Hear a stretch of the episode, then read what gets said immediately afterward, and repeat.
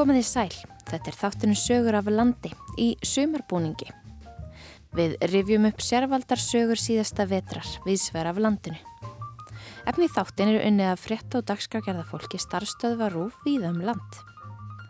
Í þessum þriðja sumar þætti sagna af landi rifjum við upp sögur af ungu fólki. Anna Þorbjörg Jónastóttir fór í göngutúr með Heklu Solvögu Magnúsdóttir, úlingi og Akureyri sem er hljómsveitinni Brendu Bananannir. Við semjum oftast um mat og bara alls konar sem að er að gerast í líf okkar. Þá höldum við vestur á Ísafjörð þar sem sýsturnar Hanín og Jakín Alsa Eti sækja nám við mentaskólan. Þær eru frá Írak og fluttu til landsins í hópi flótafólks eftir að pappa þeirra hafði verið rænt. Þú missir pappiðinu mm -hmm. og þú heldur alltaf í eitt ár, eitt og hóllt ár að hann sé dáinn. Þess við heldum að hann var dáinn, mm -hmm. að við heyrðum ekki neitt frá hann. En svo ringdi bróðunar mummu og svo sáum pappi á skjáinn. Og að lokum rifjum við upp viðtal Óðins Svans Óðinssonar við Anton Lína Reyðarsson, tónlistamann sem hefur þrátt fyrir ungan aldur orðið fyrir fleiri áföllum en margir verða fyrir á allir sinni æfi. Að fyrir mig sem ungan strák, ég, þú veist, þú gerir þér kannski ekki grein fyrir alvarlega málsins strax, sko. Þú gerir miklu meiri grein fyrir hvernig staðan er þegar þú ert eldri og hvað, hérna, og hvað er að eiga sér stað. En við byrjum þannan sumar þátt á því að hitta Heklu Solvögu Magnúsdóttur á Akureyri.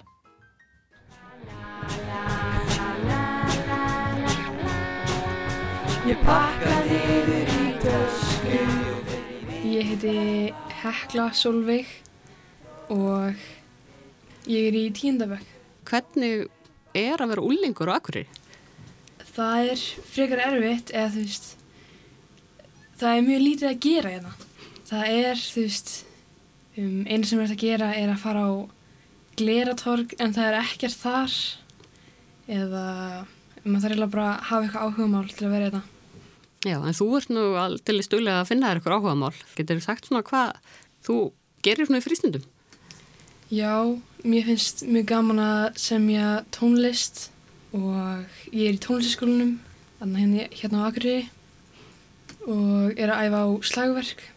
Mér finnst mjög gaman að teikna og mála og svona. Og þú er líka verið að vinna með krökkum eða ekki? Já, ég var að vinna á svona námskeið hjá bókasafninu að smíða og mála stittur sem voru bara svona ja, jafn stórar og manneskur. Þetta var mjög vinsalt námskeið og voru allir mjög glæðir með það. Hvernig vist þér að vinna með svona litlum krökkum eins og varst að gera sumar? Mér fannst það bara frekar gaman. Sumi krakkanir voru frekar, þarna pyrrandi, verið alltaf að mála á fötin sín, viljandi og svona.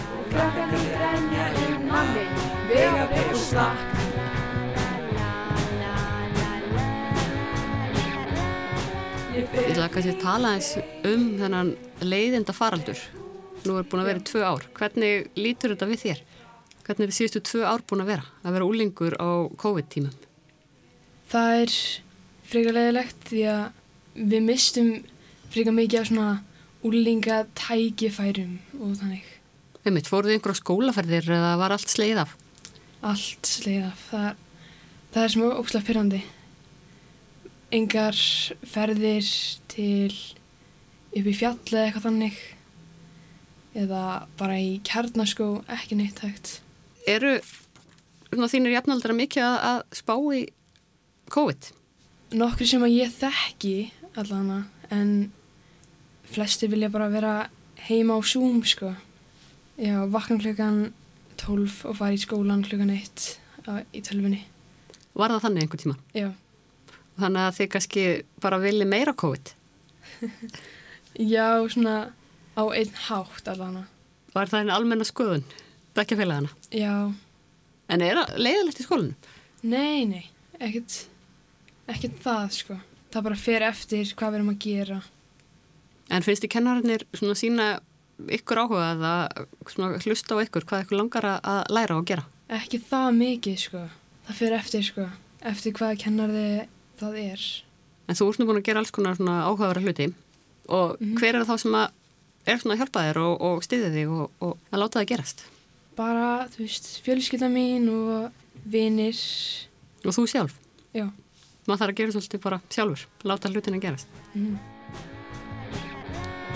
Ég fer hringveginn með húsbílinn og ég tek krakkana með. Ég vinn í sjálfri mér. Hvað er uppáhaldstaðurinn á Akureyri? Um, örgulega bara hóf. Já, af hverju það? Mér finnst svo gaman að vera í tónlistaskólanum og það er alltaf svo mikið að gera þar. Það er alltaf skemmtilega síningar og svona. En Akureyri einmitt er ekkert sérstaklega stór bær. Finnst þér að hann mætti vera stærri eða er eitthvað sem þið úlingar og krakkar talið um að vilja komast í burtu, í eitthvað stærra? Um, já, það er alltaf verið að tala um Reykjavík sko. Allir vilja fara til Reykjavíkur. En þegar maður fer svo til Reykjavíkur sem svona akureyringur þá er, þá er það ekkert það skemmtilegra sko. Hvað heldur, heldur að allir sjá við Reykjavík? Hvað er svona merkilegt þar? Um, ég held að sé bara hvað búa margir og mismunandi búðir og mismunandi að gera held ég.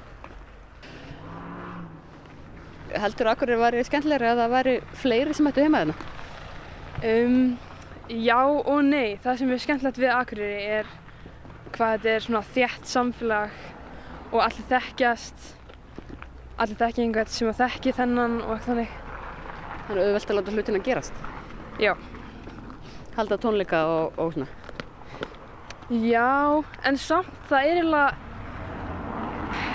um, það er samt frekar, lítið af möguleikum af til dæmis stöðum til að spila á og þannig. En þú er sem sagt í hljómsveit, getur þú sagt okkur aðeins frá henni? Já, ég er í hljómsveit sem heitir Brendu bananarnir. Um, Mér er búin að vera í hljómsveit síðan svona februar 2021 og það byrjaði sem ég og Gretar við söndum lag til þess að senda henni í keppni sem við komumst ekki í. Og þau heldur samt ótrúð áfram? Já, og komast það ókslega gaman og byrjum að semja fleiri lög og okkur gekk bara frekar vel sko. Þið voru þetta tvö í hljómsdunni en það hefur nú eitthvað bæst við það ekki?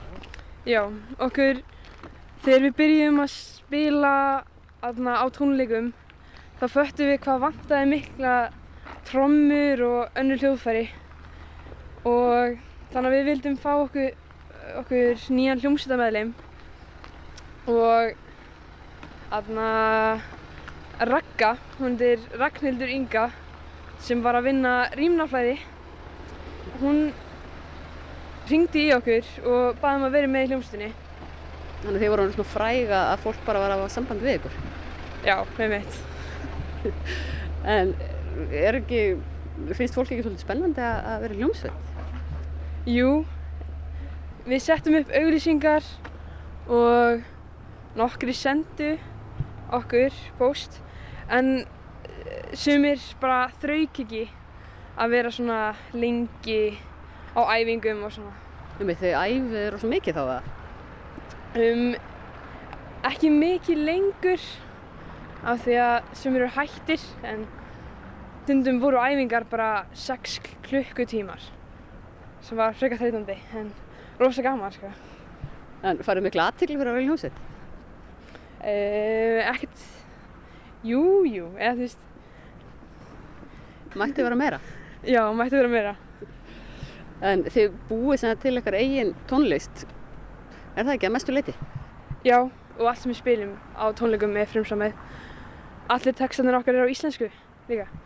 Og semjið þið textana saman eða ert þú aðalega í að semja texta? Við semjum allt saman. Það sem er svo skemmtilegt er að ef, að ef við byrjum á kannski einni línu þá smellur allt ef við gerum það saman. Og Og um hvað eru þið að semja? við semjum oftast um mat og bara alls konar sem að er að gerast í líf okkar. ég þekki nú eitt texta hjá okkur, hann fjallar um ískapin heimiðaður.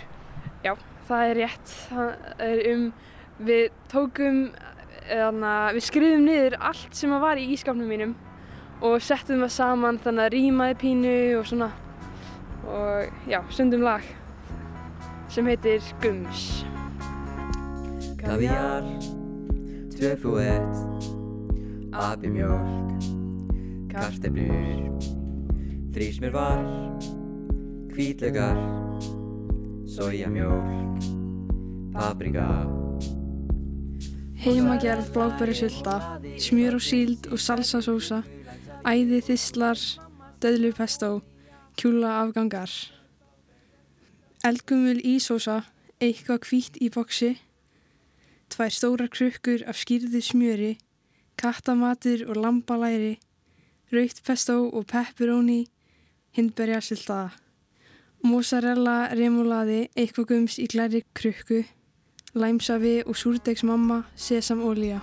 Ólífur, curry paste, stjörnu egg, majónes, eldgumul, ísósa, eitthvað hvít, í bóksi.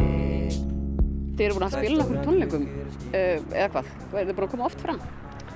Já, við erum búin að koma fram svona þrísa sinnum.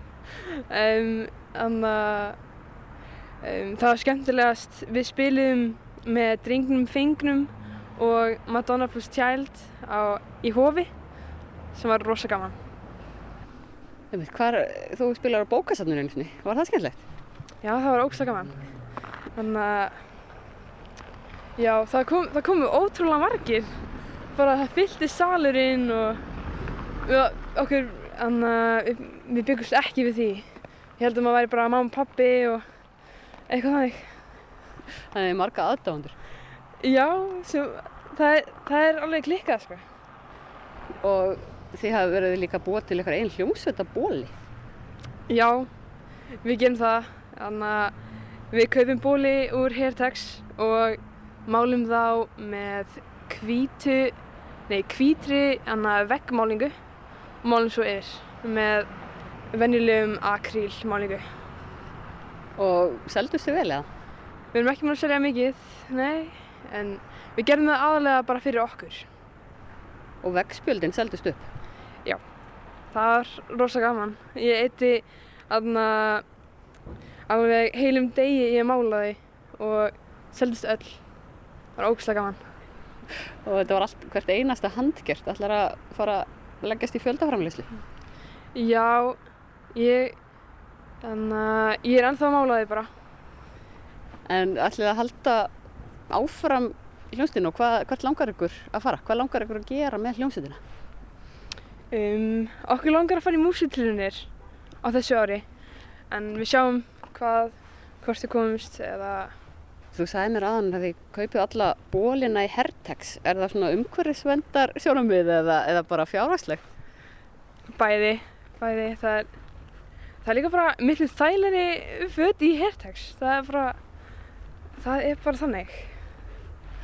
En nú er mikið talað um umhverfismál og endurvinna og endurnýta. Er það eitthvað sem þú hugsa mikið um?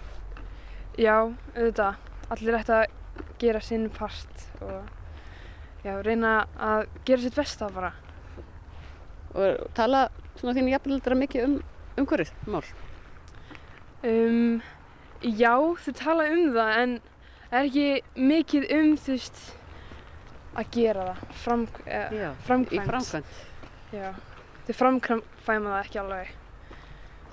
Og hvað finnst þér að það getu hugsað eða gert betur? Til dæmis að koma ekki með skýrdollur í skólan. Að gera mjög margir það, koma með veist, svala og henda því bara strax sem er frekar óþarfi. Og mættu kannski kaupa oftar í Hertex? Já,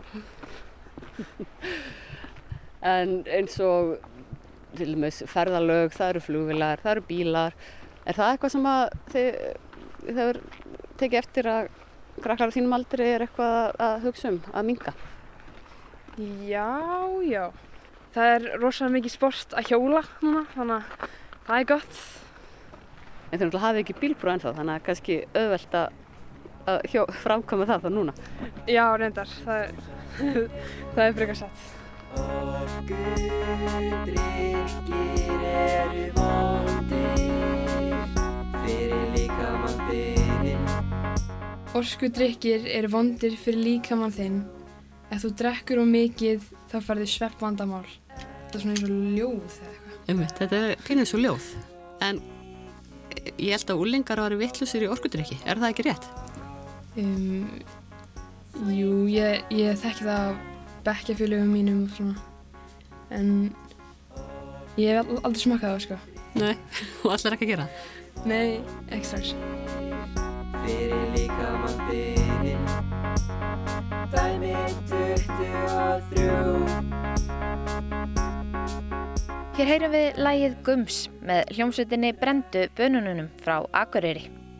Anna Þorbjörg Jónastóttir rætti við einur hljómsveitinni, Heklu Solvögu Magnúsdóttur.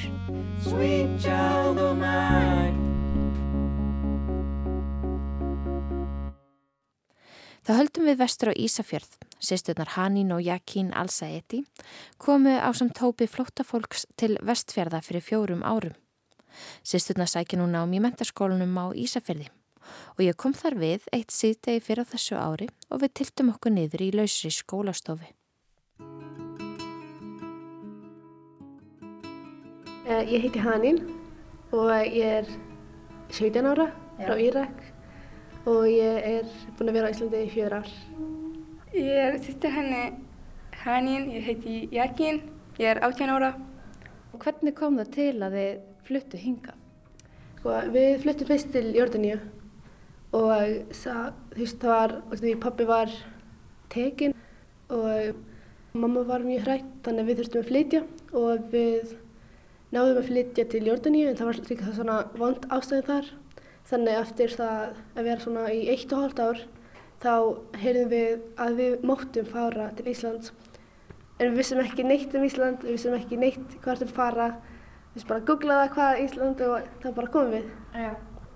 Af hverju var pappi eitthvað tekinn? Uh, fólk sem þau tökuð á, þau held að pappi sé með peninga og stór maður í landinu en hann var ekki svo þannig. Þannig við verum bara svona vennilega fjölskylda. En þau bara svona til þess að stela pening, þessi svona tekník. Við tökum svona eitt, eitt mannskja af fjölskyldinni og svo spyrjum við pening og þetta er að gerast ennþá. Ef þú heyrir í útvarfið þá er alltaf að tala um einhver sem er tekinn fyrir peninga. En já, En þarna var mamma ykkar einn með ykkur fimm krakkana og það, þannig að þetta hefur verið bara of erfitt. já, ég meina, ég veit ekki hvernig hún þólið þetta. Þetta var svona mjög erfitt fyrir hennar, skilur. Ég man eftir að ég reyndi svona að vera eins og pabbi, ég reyndi svona að fylla það sem var tekinn út okkur. Þú veist, pabbi var ekki með, við vorum bara einir í landi sem við þekkjum ekki neinum þar. Það var svo erfitt að þú veist, fara í gegnum þetta. Já. Það var svo erfitt.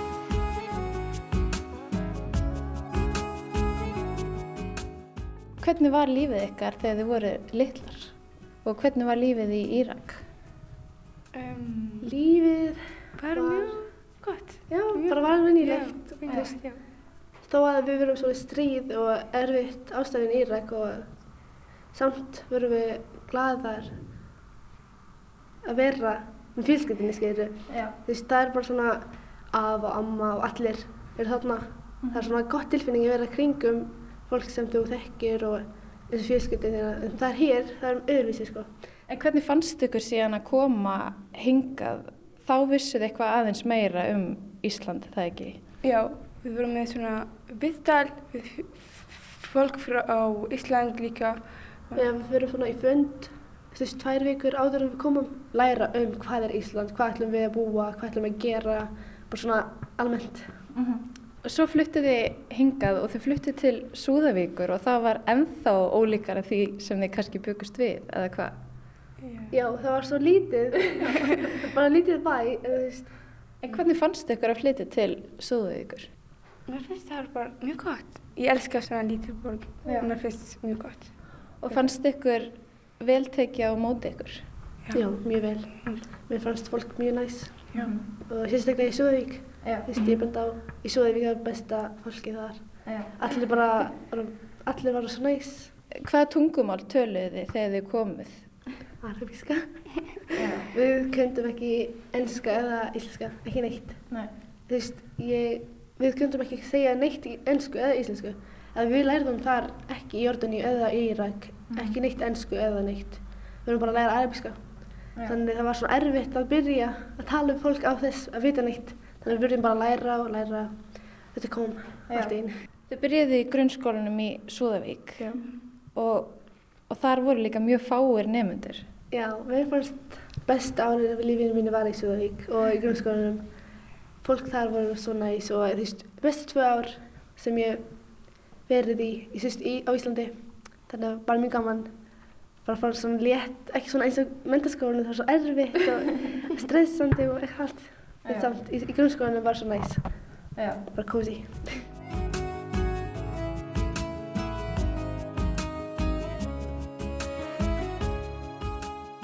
En þegar þið komuð þá voru þið sex og svo, svo kemur pappikar.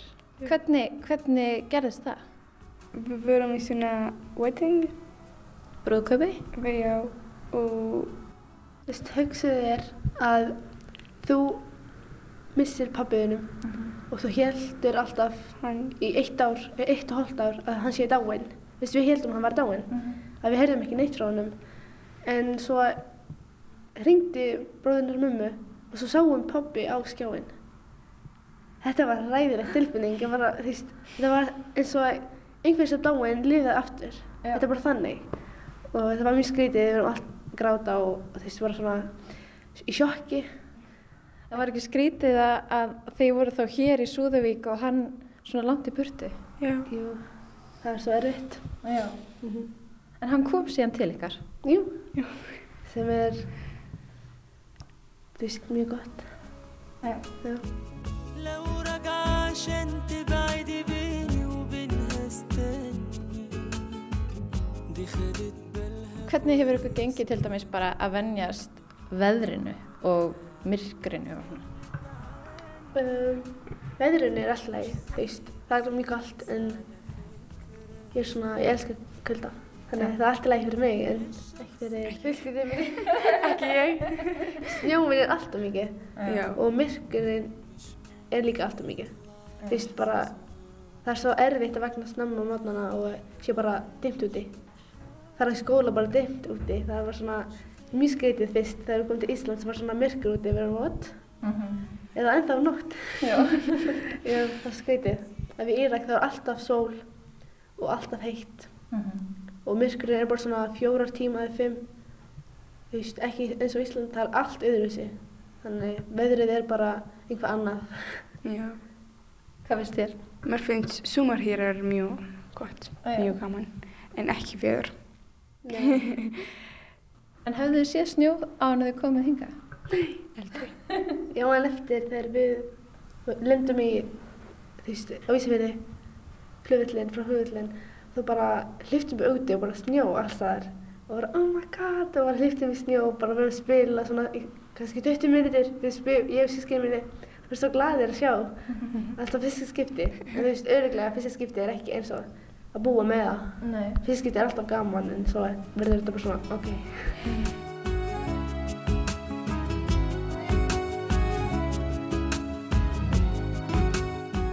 Hlýtur að hafa verið smá flókið að flytja til Súðavíkur frá Írak og Jórdaníu. Hvað var svona helst svona erfitt? Helst erfitt er að vera einn.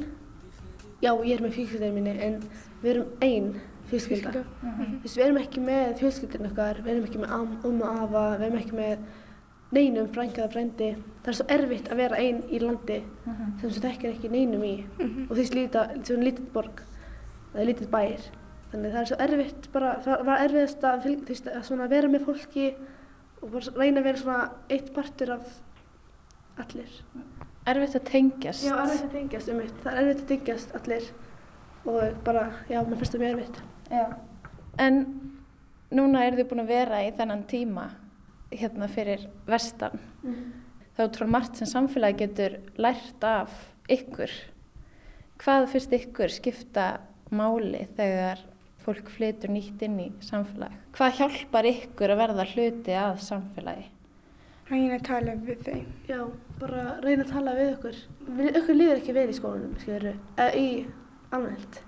Við erum alltaf svona einir og það myndi vera svo gott að reyna að tala við aðra og veist, við eigum vini í Súðavík en ekki neitt á Ísafjörði. Já. Finnst þið krakkanir ekki opnir? Uh, já, svolítið. Þú veist, sama hvað ég sinni, ég sinni svona að ég sé glöð og allt þannig og ég sé bara svona, ég reyni að vera jákvæð alltaf og ég reyni að vera alltaf jákvæð fólki og allir. Og segja bara að það sé allt að genga vel og skjöru en samt er það partur sem enginn kannski hef heyrt um eða viti um. Og það er bara að það sé fordómar og það sé bara fólk sem er ókværdís og ég hef lendið í því mörgsinnum sko í vinnunni eða veist, í skólanum, hvað sem er. Og það er svo margir sem segja mér verður þakklátt, þú ert á Íslandi þú veist, aðrir myndu vilja vera það sem þú ert. Já, ég er þakklátt og þú veist, ég er stolt af það sem ég gerði og ég er búin að gera. En samt allir eigi tilfinningar og samt sama hvað þú ert, sama hvert þú ert, sama hvert þú ferð það er alltaf vond fólk og gott fólk. Og já, bara mér liðir vel og ekki vel á saman tíma.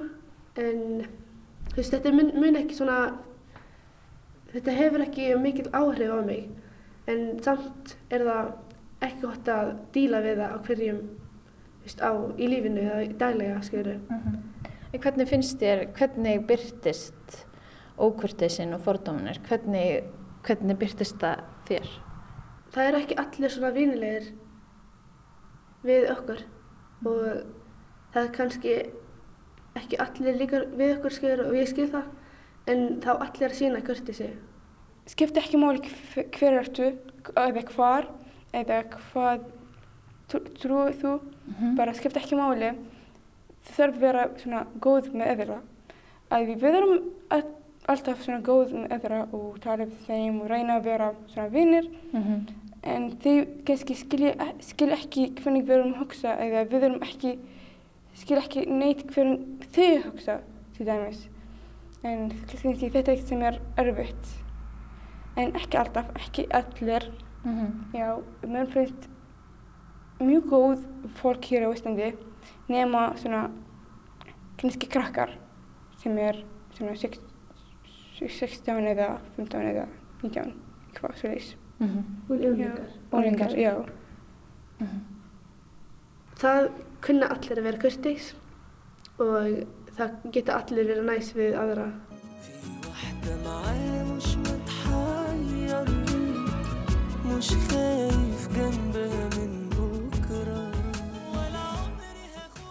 Og hvað sáðu þið fyrir ykkur með framtíðina hér og Súðavík og, og hvað langar ykkur að gera? Fyrstu sem ég ætla að gera er flytja í byrtu Kannski Nei. ekki strax. Jú, þú veist, bara- fyrir háskóla þá maður að flytja í byrtu skilur Já. En já, mér langar að vera lækni og örglega, þú veist, ég ætla að reyna mitt besta að vera lækni, að því mér langar svo að læra læknifræði. Vekkin, veit ekki. Ég er búin ekki Alveg. nákvæm. Hvað finnst þið skemmtilegt í, í skólanum? Kannski efnafræði. Mhm. Mér finnst mjög gaman að gera, er að læra efnafræði. Já. Mér finnst gott að vera hér í Íslandi. Rólegt og ekki mikið fólk og svona. Ég elskar svona lífið. Jú. Já, ekki eins og hann, hann er bara, alltaf, ekki- alltaf eitthvað að gera. Já, ég elskar að vera svona cozy, ekki gera neitt mikið. Já. Svona, Þannig við erum ekki svona manneski, sko. Takk kærlega fyrir spjallið. Takk fyrir að hitta mig hér. Takk sem leiðist, takk fyrir okkur. Takk fyrir að hlusta. takk.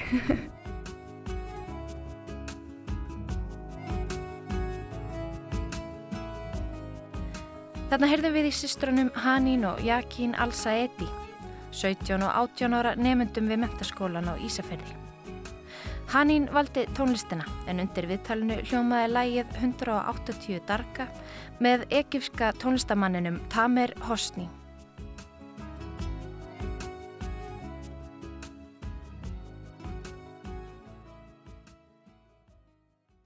Anton Líni Reyðarsson var aðeins tryggja á hálsás þegar það kviknaði í heimili hans á þingiri með afdrifaríkum afleðingum. Óðinsvann Óðinsson settist neyður með Antoni Lína á Akureyri.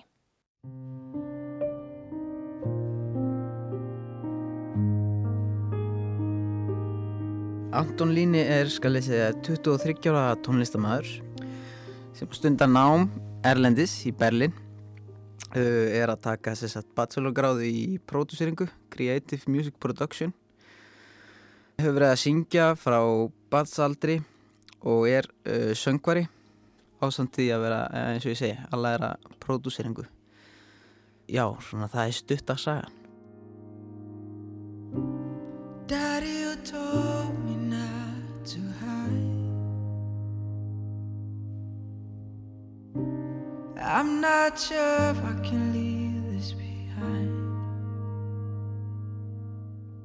Já, þóttu sé eins og sér þetta á mjög stutt útgáðan þú ert uh, rétt rúmlega tvítur og þú hefur upplifað meira en margir á, á heilli æfi uh, Mér langar svona aðeins að fara í til að byrja með svona þín uppvakstar ár þú getur farið fyrir mig bara já, nánast eins langt aftur og þú manst þú ert alveg upp á, á Þingeri Já, passar. Ég er alveg upp á Þingeri og hérna, hef búið á Þingeri öll mín hérna, æsku ár.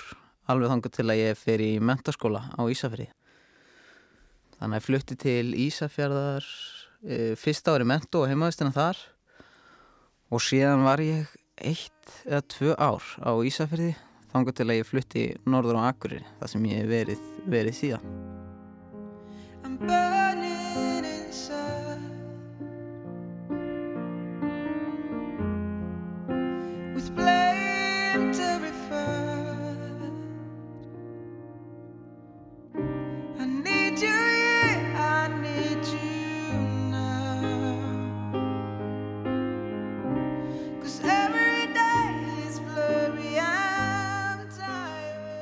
Tired. en uh, þegar þú ert rúmlega þryggjára, þryggjára hálsás uh, þá gerist nokkuð örlaðaríkur atbyrður í þínu lífi getur þú sagt mér aðeins frá honum?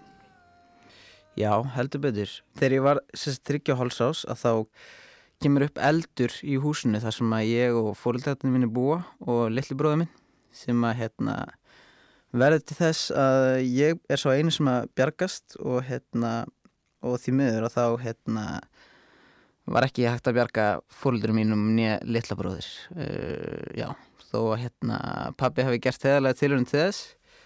Hann var svo sem að náða að bjarga mér út og hérna í raun og veru eða allavega áleiðis. Og hérna og mikill hetut já allavega hérna fara afturinn og bjarga sérst, litla bróðum mínum og mömminni en því miður að þá hafðist það ekki. Manstu eitthvað eftir þessum atbyrði? Já og nei, takmarka sko. Það hefur alltaf lofað við mig hérna svona, ég hef alltaf sagt þá sögu allavega að hérna að ég hafi vaknað og held að það hefur verið svona kannski ástæða þess að ég hafi hérna bjargast. Ég man eftir því þegar ég vaknaði um hérna nóttina og, og, og sé að það er hérna eldur frammi og eitthvað svona og, og fer og hérna og stugga við pappa mínum sem er, er þá sofandi og mér skilst svona að út frá því hafi hérna hann reynda að koma mér áleiðis út og, og koma mér eitthvað, ef mann rétt, fram á gang það sem að rétti útstyrjafriðni um, já, það sem að ég finnst síðan og hægt að og möguleiki á hérna að draga mig alveg út sem betur fyrr. En þetta endar á, á þennan skelvilega hátt og, og hefur væntalega mótað svolítið lífið þitt eftir þetta? Sko, já, klálega að gera það svona ungur að þá náttúrulega það myndast ákveðin staða þegar hérna, það eru tvær fjölskyldur það er bara einn ljósæru drengur sem að verða eftir þá myndast ákveðin staða sem að verður líka líka kannski svolítið erfið hvar, hvar á hann að búa og, og, og annað slíkt. Þannig að þetta hefur alveg uh, mikil áhrif og uh, kannski hérna, tímin leiðir kannski ímislegt í ljós en ég held samt að, að þetta, þetta grær kannski aldrei þó að séu öldra að lifa kannski með þessu þeim eldra sem það verður. Manstu eitthvað eftir hvað gerist eftir þetta fyrir utan atbyrðin sjálfan? Hvernig, hvað tekur við þessa daga og vikur og, og mánuði eftir, eftir þetta atvik? Það verður alveg mikið svona hvað segir maður, það verður svona mikið tómleiki í, í bara samfélaginu öllu og ekki síst kannski hjá, hjá fjölskyldinu okkar og svona þú veist þetta er náttúrulega hvað segir maður, stór biti til þess að kingja á, á einni nóttu sko. Og fóröldræðin eru mjög ungir þegar þetta gerist ekki? Heldur betur, þau eru í kringum ég rétti við tvítugt ef mann rétt. Og þá heitir þetta hérna, þegar þetta kemur fyrir hann að hérna, þau eru mjög ungir sko. Voru með eins og segi mig og litla bróður minn. Ég var þryggju hálsás, litli bróður minn að verða einsás eða orðin einsás eitthvað svo leiðis Já, þetta er frekar, frekar ungt allavega til þess að, til þess að hérna, frekar stuttur lífsaldur eins og maður segir. Áttu þau og, og þá setna þú eitthvað bakland þarna á þingari, er, er, er þín fjölskylda það, en hvað, hvað verður um þennan eins og þú segir, litla ljósara strák sem að lifir þetta af? Sko það verður uh, öll fjölskyldan, já, svona þannig bjó fyrir vestan Sko, uh, mömmu meginn þá byggu þau á sveitabæði sem heit Fell á þeim tíma og hérna, og pappa meginn þá byggum við sér satt byggum á neðri hæðinni í, í húsi sér satt fórildra föðumis. Það er svona fer á stað ákveði ferli eins og, eins og gefur að skilja þegar, það er ungu strákur sem á ekki lengur neitt neitt neinsta kjarnar kannski, enga fóreldra og, og eitthvað svona, þá náttúrulega fer þetta í ákveði ferli svona hvar á hann að búa eftir þetta þannig að sem betur fyrir að þá hérna á ég mjög góða, góða fjölskyldu begja megin. Og hérna eftir eh, dagastund þá fluttist ég á fell í, á Sveitabæðin fell í eitt ár þannig til að ég færði mig úr á hérna þingiri og þar bjó ég alveg bara þannig til að hérna mentaskóla gangan byrjaði. Ain't no place feels home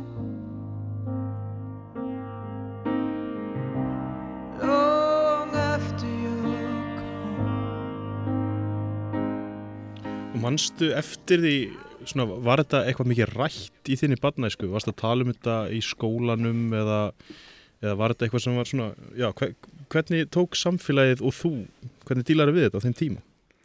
Ég myndi ekki segja þetta að kannski verið mikið rætt. Þetta verður náttúrulega kannski svolítið, svolítið þungt og yfirþyrmandi að hérna, tala um svona hluti og, og, og eins og gefur að skilja kannski að þá, þá er þetta eitthvað sem ég hef lifa með alla, alla æfi þannig að fyrir mig kannski að, að, hérna, að ræða þetta við eitthvað er kannski aðeins öðru sér að kannski að ég sé að þetta og svona eh, kannski þó að sé óþægilegt kannski stundum að tala um þetta að þá finnst mér líka mikilvægt bara fyrir annar fólk að, hérna, að heyra skiluru að það er sko allt er hægt ef að viljinni fyrir hendi. En ég myndi klála að segja að það hef ekki verið mikið það hef ekki verið mikið rætt þó að kannski þau hef alltaf verið haldin upp í svona í minningunni að þá er kannski meira svona haldið upp, upp í kannski gleðinni sem að, sem að þau kom með og, og sem að var það var kannski ekki mikið mikið kannski pælt í uh, hvað segir maður, sorginni sem að fylgir það, þetta er náttúrulega grí, bara gríðalegt áfall fyrir eina fjölskyldu að, hérna, taka á kassan það gerir það engin einn held ég og ekki heldur með að tala ekki við neitt sko. þetta er, ég held að sjóa mikið í eitthvað slíkt. Þannig að mér fannst svona, já, mér fannst ekki mikið tala um þetta en ég held líka að alltaf þegar ég var kannski tilbúin til þess að tala um þetta að þá var það líka alveg ekkit mál fyrir mig en, en ég held bara svona kannski að maður er það ungur að þú gerir kannski ekkit grein fyrir því að þau er ekkit að koma morgun eða hinn eða mögulega aldrei sko eins og ég segi. Talaði þú mikið um þau sem barn og myndur eftir þeim upp þessi uppvægstar ár? Já, já, algjörlega, ég gerði það en svona í setni tíð verður þetta mögulega erfiðara. Þeir áttur að hafa svona ymsi hlutir sem að þú hafðir ekki og þú sér svona fólki kringuð sko þegar eh, kannski fyrir sjálf og mig, ef ég tala fyrir sjálf og mig að þegar svona verður að þá kannski finn ég fyrir kannski svona í setni tíð að það er svona allur innsti kjarni. Ég meina að þetta er ámar æðislega fjölskyldu og resastóra fjölskyldu sem að gerir allt við um hann, heldur alltaf utanum hann og, og annars líkt. En það er samt sko það er þessi innsti kjarni sem er svona þetta sam, samband við, við föður og móðir, það er kannski þú veist, maður finnur alveg svona kannski eins og ég segi, þegar maður er svona eldist þá er maður svona, uff, það væri hérna þetta er alveg smá, smá erfitt. En þegar ég var yngri að þá hérna þá var maður kannski bara svolítið bann, sko, maður var, þú veist, maður spáði alveg mikið í þessu, bara af hverju á ég ekki af hverju á ég ekki fóreldra og af hverju, hver er þú veist, af hverju á ég ekki litlabróður og af hverju lendi ég í þessu en, en, en ekki en ekki einhverju aðrir Akkur eru fólkdrar besta vinum ís eða bestu vinum minna að koma að sækja á í skólan en, en ég þarf, þú veist, amma eða afi er að koma að ná í mig. Sem er í raun og veru bara mamma og pappi mín en það er svona, kannski ekki alveg, alveg sama tenging ef, ef, ef það meikar eitthvað sens. Akkurat. Og náttúrulega hefur auðvitað verið gríðlegt áfall fyrir já, ömmuðin og afa. Þau eru náttúrulega, mm. eins og þú talar um fólkdrarinn og ungir og þau eru í raunin að missa börn líka. Þetta er svona, lítur að hafa verið mikil áskorun fyrir þau begja vegna. Algjörlega. Bara maður getur ekki í raun og veru ímynda sér hvernig það hefur verið vegna þess að sko að fyrir mig sem ungan strák ég, þú veist, þú gerir þér ekki gerir þér kannski ekki grein fyrir alvarlega málsins strax sko.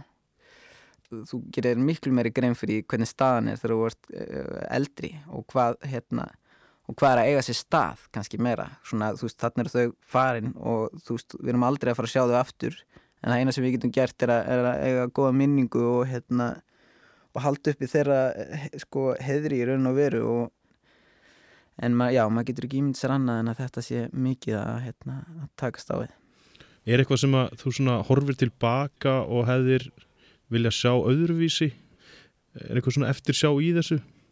Kanski ekki eftirsjá ég veit ekki, ég veit ekki með eftirsjá en, en hérna, það er klálega alltaf hægt að hérna, mögulega að gera betur. En ég er bara líka eins og segi það þakkláttur fyrir að, hérna, að vera, vera hér skilur út til staðar og, og vera, vera heilbriður og geta talað um þetta. Og í raun og að já, ég er mjög þakkláttur fyrir það að geta, geta talað um þetta svona opiskátt og, og látið allavega aðra vita þó að, þó að hérna, hvað segir maður eins og afisir að þó að hérna, þó að komi kvöld að þá dagar alltaf á mótni þannig að það er alltaf nýst dagar til þennan dag. Hefur einhvern hugsað maður er, þetta sé hlusta á viðtölu og sé viðtölu fólk sem hefur svona lifað af einhver svona áföll, slís og annað sem hugsa af hverju ég, hvað var það sem var þessu valdandi að ég stend eftir? Hefur, hafa solis hugsanir einhvern veginn leitað á þig? Já, mjög mikið.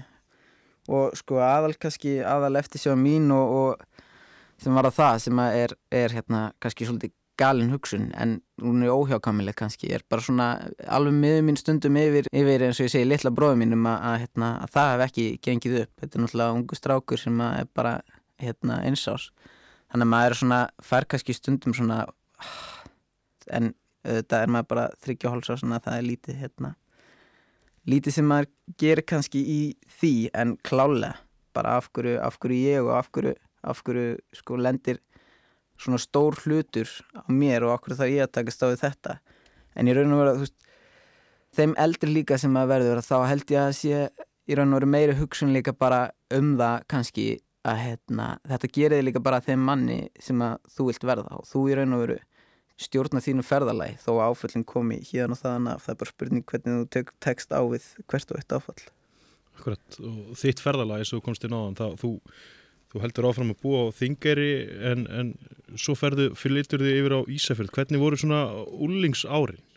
Sko úlingsárin voru alveg, voru alveg mjög hérna, skemmtilega, myndi ég segja. En þegar ég var að byrja í mentaskóla og svona, þá kannski var maður, var maður meira að byrja hluti innræð með sér eins og þetta, allt, allt þetta dæmi og hérna, ímislegt annað sem að, maður var kannski ekkit mikið búin að spá í.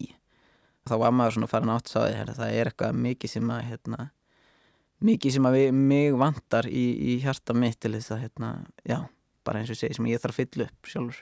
Þannig ég svona myndi segja kannski úlingsárin hafi líka ennkjænst svolítið af bara miklu svona kannski ah, hvað maður að segja, svona já, ég var allavega ekki mikið svona undir kontról getur orðað uh, annarslægi, þannig að svona þau voru alveg upp og niður en ég myndi samt ekki vilja, vilja hérna, breyta neina því ég held að það sé, já, þá er því öðru sem ég er í dag Og hvernig hefur þið tekist að, að fylla upp í þetta gatt? Sko, með tímanum að þá hérna, reynir maður ekkert neginn að, að þroskast allavega í rétta átt og, og, og takast á hlutina með, með hérna réttum aðferðum. Ég veit ekki hvort að tíminn kannski eh, græði það ekkert tíðan að, að maður sé leitandi að ekkert hérna, að fylla upp í þetta gatt. En sko, maður getur alltaf lært að lifa með því á einhvern máta, ég myndi segja að það hefur gengið mjög vel að, hérna, eh, að lifa með því og, og, og eiga mögulega á því að tala um þetta eins og ég segi, þú veist, það er svo mikilvægt fyrir, hérna, allavega fyrir mig og ég get ímynda mér að sé fyrir flest aðra, þegar það er eitthvað sem að, maður er að berjast við þá er svo mikilvægt einhvern veginn að að geta einhvern veginn tala við einhvern því að þú veist, þetta er stundum getur að verið of mikið fyrir, fyrir einn einstakling I wanna tell you something. I hope it's okay.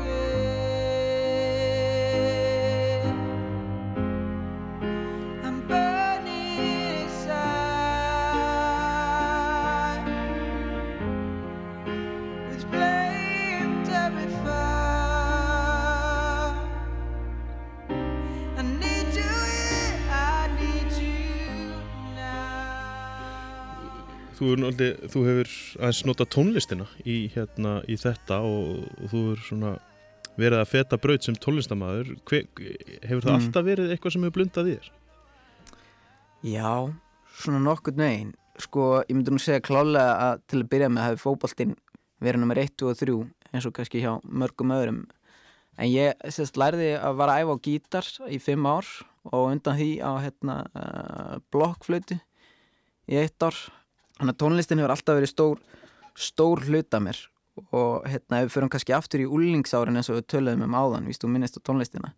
Það er kannski það sem var líka rosalega gott fyrir mig og, hjálpaði mér hellinga það var hérna tónlistin. Þegar ég fór að heyra eins og til dæmis bara Jón Jónsson ég maður þegar ég var að hlusta á hann og svona í hérna ólingsárun það bara gaf mér eitthvað, eitthvað frið sem að ég gat, ég veit ekki hvernig maður á að segja það gaf mér kannski eitthvað meiri frið sem að ég var ekki átti ekki möguleika á að finna eitthvað starf annar staðar ef að það meikar eitthvað sens í tónlistinni og þá svona byrjaði virkilegur áhugi á að vera bara herði ég, mér, þetta er eitthvað sem ég hef klálega áhuga að gera og langar að gera í framtíðinni.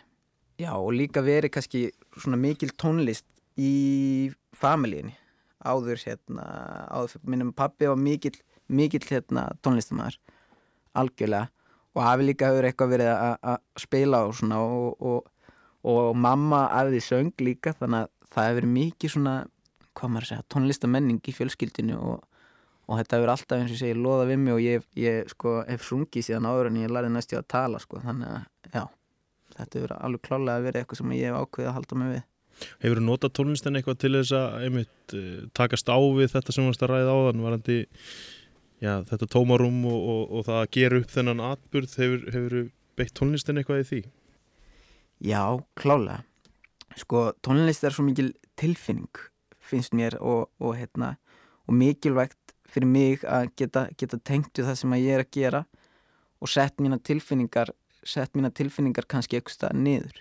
Hvort sem að það er, hvort sem að það er eitthvað sem að tengist uh, einhverju ástasambandi eða hvort sem að það tengist sorg eða hverju svo sem það tengist að þá hefur tónlist klálega verið svona nánast eða svo sálfræðingu fyrir mig sko oft á tíðum. Og þú ert ennþá í þessari tónlist og ert að svona feta þá braut. Hvað ertu stattur í þessi dag?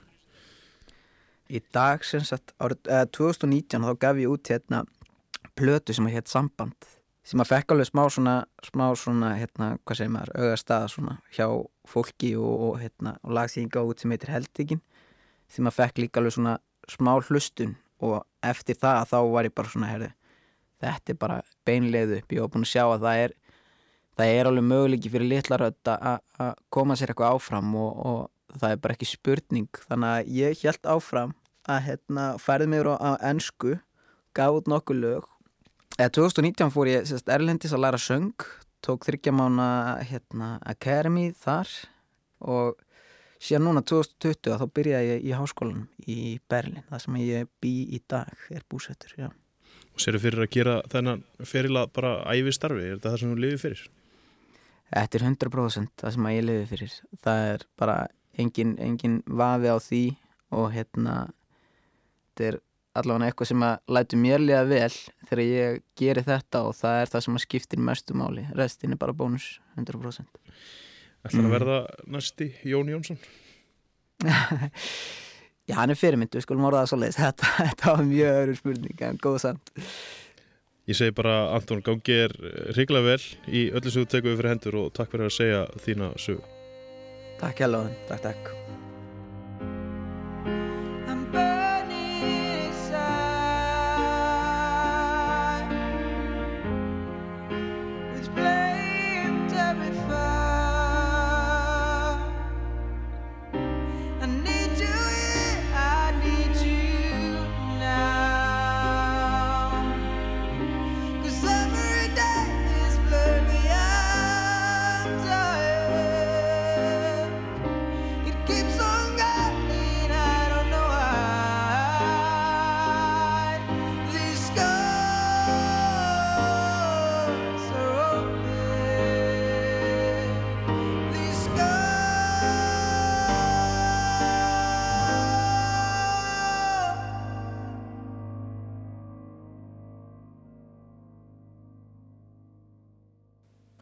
Þannig heyrðum við í tónlistarmanninum Antoni Lína Reyðarsinni. Óðinn Svann Óðinsson talaði við hann. Þá heyrðum við brot úr lægi Antons 2002 sem er árið sem eldsvoðin varða á þingeri. En þá komum að lokum hjá okkur í þessum þriðja sumarþætti Sakna af landi. Auk þess að rifja upp viðtal Óðinsvans Óðinssonar við tónlistamannin Anton Lína, þá heitum við írösku sýsturnar Hanín og Jakín Alsa Eti sem sækja nám í mentarskólum á Ísafjörði. Og við fórum í gungutúr með Heklusólfu Magnúsdóttur sem saði frá hljómsveit sinni Brendu bönununum. Við minnum á að sögur af landi þessa þáttar og aðra sögur af landi síðasta vetrar sem og fleiri til má nálgast í spilararúf og öðrum hlaðvarp sveitum. Við þökkum þeim sem hlýtu, lifið heil.